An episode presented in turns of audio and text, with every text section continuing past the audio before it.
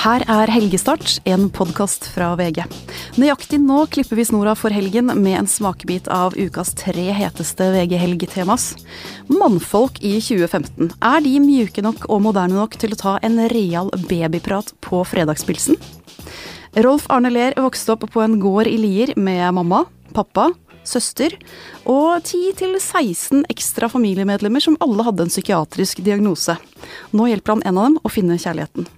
Og er det egentlig lov å banne på podkast? Jeg er ikke helt sikker, men det er ingen vei utenom når vi skal snakke om den nye norske folkereligionen Gi faen.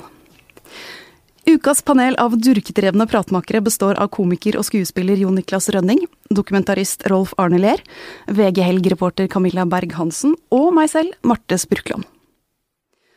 Vi starter med mannsrollen, vi. Eh, der skal det jo liksom ha skjedd så veldig mye de siste åra, Jon Niklas Rønning. Den moderne mannen er i kontakt med sine mykere sider og alt det der.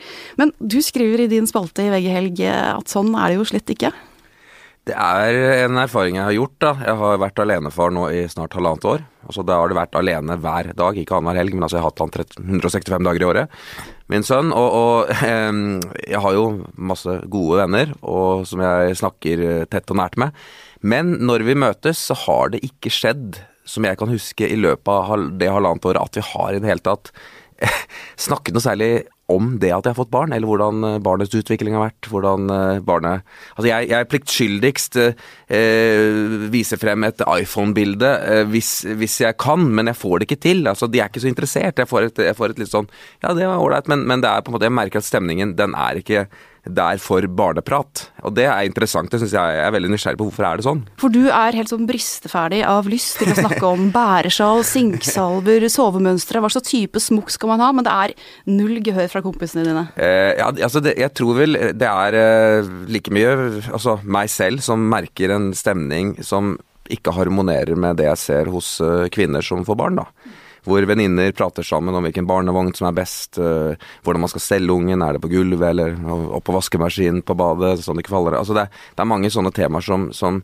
hvis jeg tar det opp i øh, fredagspilssetting f.eks., hvor det er flere menn, så så, så, så, får det liksom ikke noe svar, det er ikke noe interesse rundt det. Så da blir jeg en sånn eh, parodi på en sånn liksom hippiefyr fra filmen 'Tilsammans', ikke sant, som, som, er veldig opptatt av de myke, nære ting. Og jeg tror vi alle føler at vi er sånne menn som gjerne prater om babyting, og at vi har blitt så mye mer moderne og myke, men, men min erfaring eh, er at jeg eh, føler at det blir kleint hvis jeg tar det opp. Ja, for altså Noen har jo styggen på ryggen, og du har liksom Lars Monsen på ryggen av og til. Som hvisker 'stopp, stopp' i øret ditt når du skal begynne å ta opp dette her. Er det den ekte mannen i deg som ikke tillater deg helt å gjøre det? Det er rett og slett det, altså. Jeg tror at uh, vi, vi, menn føler at det er litt uh, hva skal du si, teit å prate om ting som, eh, som egentlig er forbeholdt den gamle kvinnerollen, da, ikke sant. Og, og når du da så tror jeg det også er sånn, det er to forskjellige typer i min gjeng, ikke sant. Den ene er de som ikke har fått barn. Og den var jo jeg helt fram til jeg var 34 år selv, og da var jo jeg null interessert i å høre på mine kompiser snakke om sine barn. Så det er helt naturlig at de heller ikke er noe interessert i, i, i mitt barn. Og så har du den andre gjengen, og de er jo gift og har en kone som de diskuterer i hjel ungene deres med. ikke sant? Sånn, De snakker om alle barneting hjemme, så de får liksom mettet behovet der. Men da jeg som er alenefar, jeg kommer jo da ut, eh, og, og ut fra hiet mitt med mitt barn, hvor jeg har sett uh, han ta sine første skritt, ikke sant. Jeg har sett han, jeg, jeg, har sett han begynne å si sitt første ord, ikke sant. Det, det er sånne ting, alle de tingene. Og jeg er sprekkeferdig etter å fortelle det. Men da er de enten uinteressert fordi de har ikke barn, eller de er lei fordi de har pratet om ungen døgnet rundt med kona si, ikke sant. Så det, det er litt sånn. Du er fortapt, med andre ord? Jeg tror rett og slett at det, det er ikke noe vi driver med, vi, vi i dag. Jeg, tror, altså, jeg har vært på barselgrupper hvor jeg har vært eneste mann blant ammende mødre. Og da føler jeg meg virkelig som elefanten i rommet, ikke sant? For jeg sitter jo der med, med morsmelk på flaske, som er morsmelkerstatning, ikke sant, og, og mater ungen min, og, og, de har jo fantastiske samtaler, mens jeg sitter og føler meg igjen som en sånn eh, statist i en Hva med vennerød-film, ikke sant. Så. Eh, jeg vil jo tro at det er mange kvinner der ute som føler seg kallet nå, så derfor så tror jeg det er nødvendig med en presisering. Kvinner der ute med omsorgsbehov, dere som har barn selv, eh, dere som er single, dere som har en potteplante eller en hund som dere passer på. Det er ikke dere Jon Niklas etterlyser, det er menn. Så ikke nå, ikke ring ham ned nå. Det er det maskuline fellesskapet han vil ha. Eh, og en oppfordring til menn der ute, kom igjen da. Ta og brett ned Åpne opp skjorta litt, kjenn på håret på brøsta og ta en babyprat. Det trenger ikke å være en så stor kontrast. Vi skal videre. Um, Rolf Arne Ler, uh, og snakke om din litt uvanlige barndom. Altså, du har jo vokst opp på en gård i Lier, med en kjernefamilie med mamma og pappa og søster. Og så i tillegg var det 10 til opptil 16 ekstra familiemedlemmer, alle med en psykiatrisk diagnose. Um, og det er det som kalles privatpleie. Fortell om det. Ja, privatpleien det startet jo eh, for ca. 100 år siden. De feiret 100-årsjubileum i Lier eh, faktisk i fjor. Eh, og da var det sånn at Lie sykehus, som er et mentalt sykehus, de var overbelasta av pasienter, så de spurte gårdene rundt i Lier om ikke de kunne avlaste lite grann. De hadde ikke det, tenkt det som noen permanent løsning, men når de så, så resultatene av hvordan dette her fungerte, da, når det kom mennesker med schizofreni og med angst og bipolare ut på de gårdene, fikk miljøterapi, fikk trygghet, fikk det hjemmekoselige som en gård eh, representerer, da, så så man at de brukerne, eller de pasientene da, ble veldig mye bedre og ble friskere og fikk den tryggheten som de trengte. Så det var jo liksom utgangspunktet for privatpleien, og så har jo det fortsatt.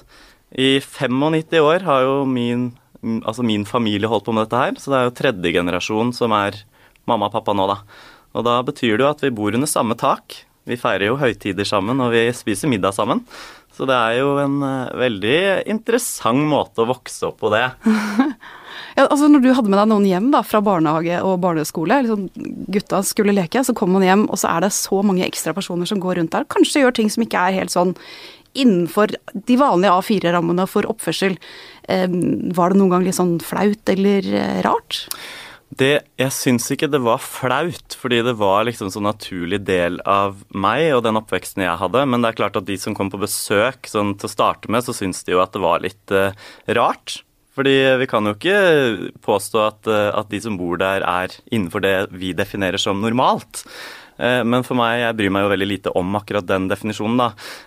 Så de ble jo bare vant til det, de. Det var ikke noe sånn at jeg introduserte de som Se, her er pasientene, og her er familien. Fordi det var liksom, Vi var 20 stykker som var en stor familie. Men altså, de hadde ulike, ulike diagnoser. Noen hadde schizofreni, noen var bipolare, noen var deprimerte, noen hadde angst. Var det noen sånn med underbuksa på huet og utagerende oppførsel? Det var ikke så veldig mange med underbuksa på huet. Eh, men vi har jo hatt eh, en som trodde han disponerte hele oljefondet, eh, og som dermed også kunne fortelle hvem som skulle få penger og hva pengene skulle brukes på.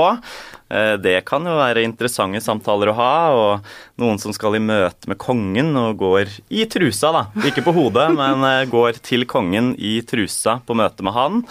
Eh, det er jo, altså, men stort sett så har det vært mer sånn leikekamerater. At de har stilt opp når vi har leika gjemsel og spilt Boksen gård, og vi har hatt uh, drivhus sammen. Har hatt hester sammen som vi har pleid. Så det har jo egentlig stort sett vært veldig sånn bare veldig mye fine lekekompiser. da, fordi den gården ligger jo også litt avside, så man måtte jo også uh, leke med alle de man hadde rundt seg. Når jeg var liten og trodde på julenissen, så var det jo også flere andre på 40-50 år som også trodde på julenissen.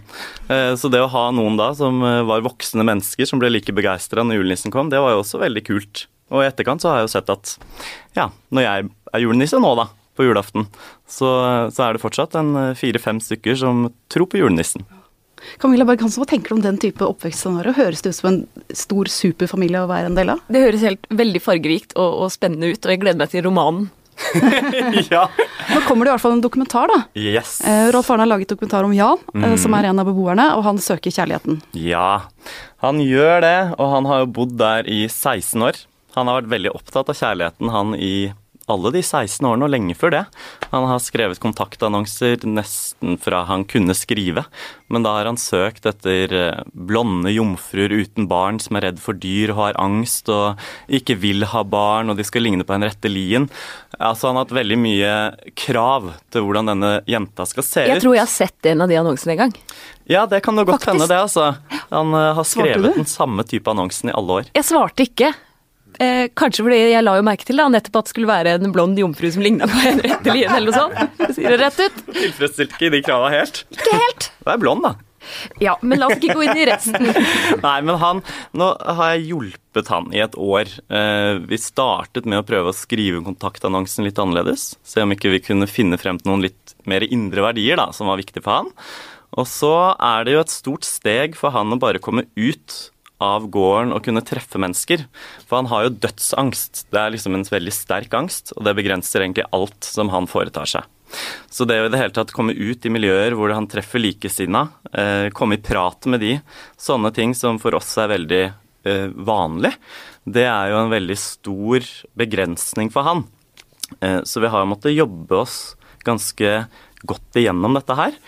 Og vi har jo lykkes på mange måter. Det er jo flere nivåer i dette her, så jeg gleder meg jo veldig til å vise dette fram da på mandag, eh, og håper jo ja, at alle skal få med seg det.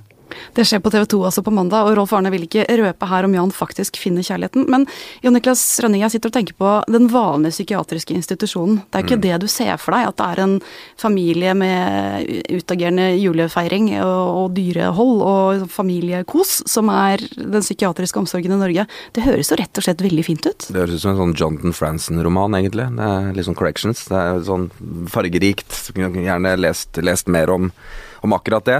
Eh, jeg eh, har jo eh, stor tillit til psykiatrien i Norge, og syns at det er veldig mange flotte historier, og jeg er jo imponert over, hvor mye som ligger der, og hvor mye vakre historier som kan skrives ut fra nettopp en sånn bakgrunn, da.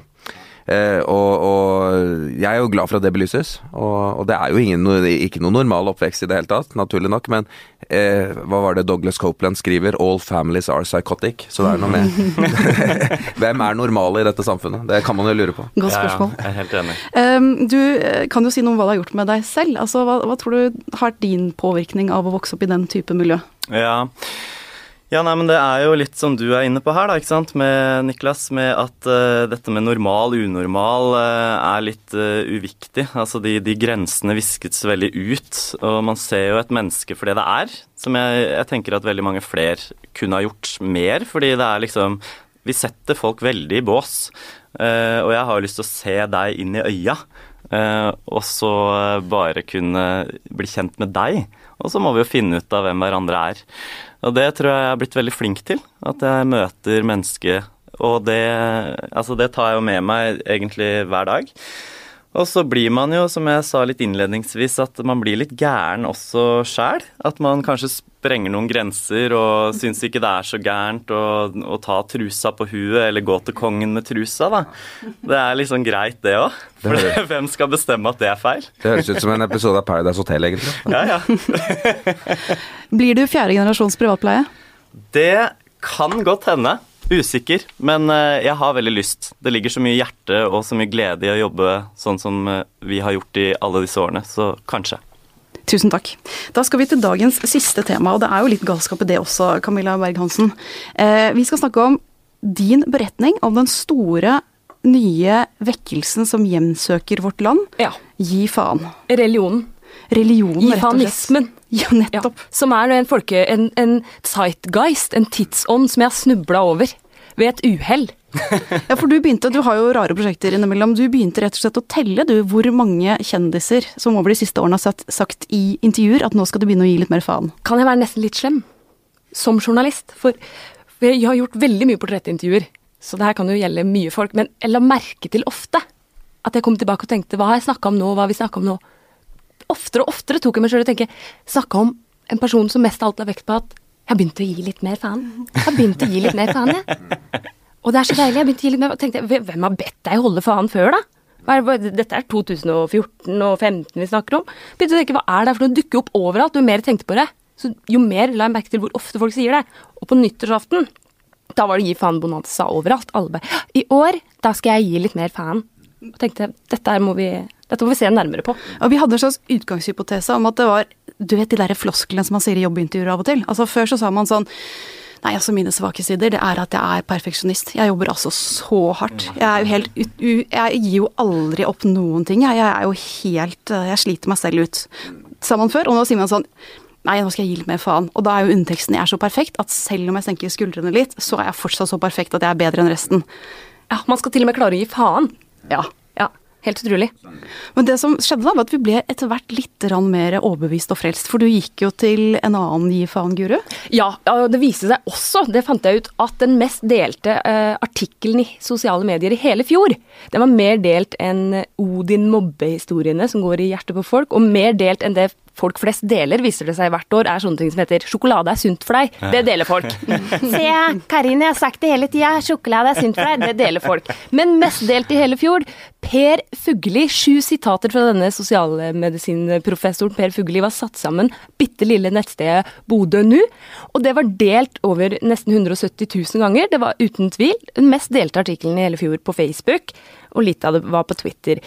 Og tenkte jeg, da, da viser det at det treffer folk noe vanvittig. Det kan jo ligge noe mer i det enn at det er en masse kjendiser som har behov for å si at de har begynt å gi litt mer faen, for de ikke har noe mer å snakke om i intervjuer.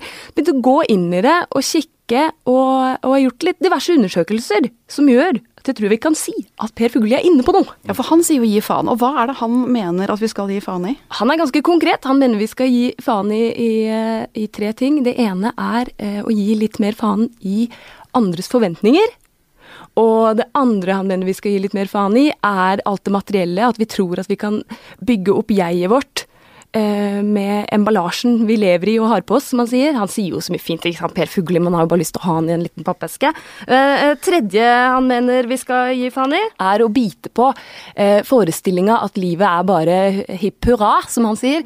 Eh, det er gleder og sorger. Og det må vi godta, og til og med lære oss å sette pris på. Og da blir man litt sånn rett i ryggen og litt høystemt. Altså, men så så vi, Camilla, at det er en, det er liksom forskjell på tidligere årstrender. For nå har det vært mye sånn bli best med mental trening. Opp på 18 fjelltopper på 12 dager. Man skal liksom nå hur langt som helst. Er det litt sånn for dere gutter samme følelse som meg, at det er litt deilig med gi faen-vendingen?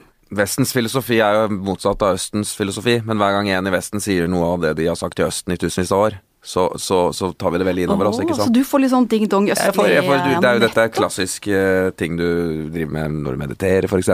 Mindfulness, altså alle disse tingene her som, som eh, ja, folk bedriver. Det handler jo om fjern materialistiske behov, eh, prestasjonsangsten, eh, senk skuldrene, vær til stede i øyeblikket. Det er utrolig viktig, og det ødelegger livene våre fordi vi tror at vi skal opp på disse fjelltoppene hele tiden. Vi tror at det finnes nye mål vi kan nå hele tiden, at vi da blir lykkelige. Bare jeg får til det, da blir jeg lykkelig. Bare jeg tjener det, da blir jeg lykkelig.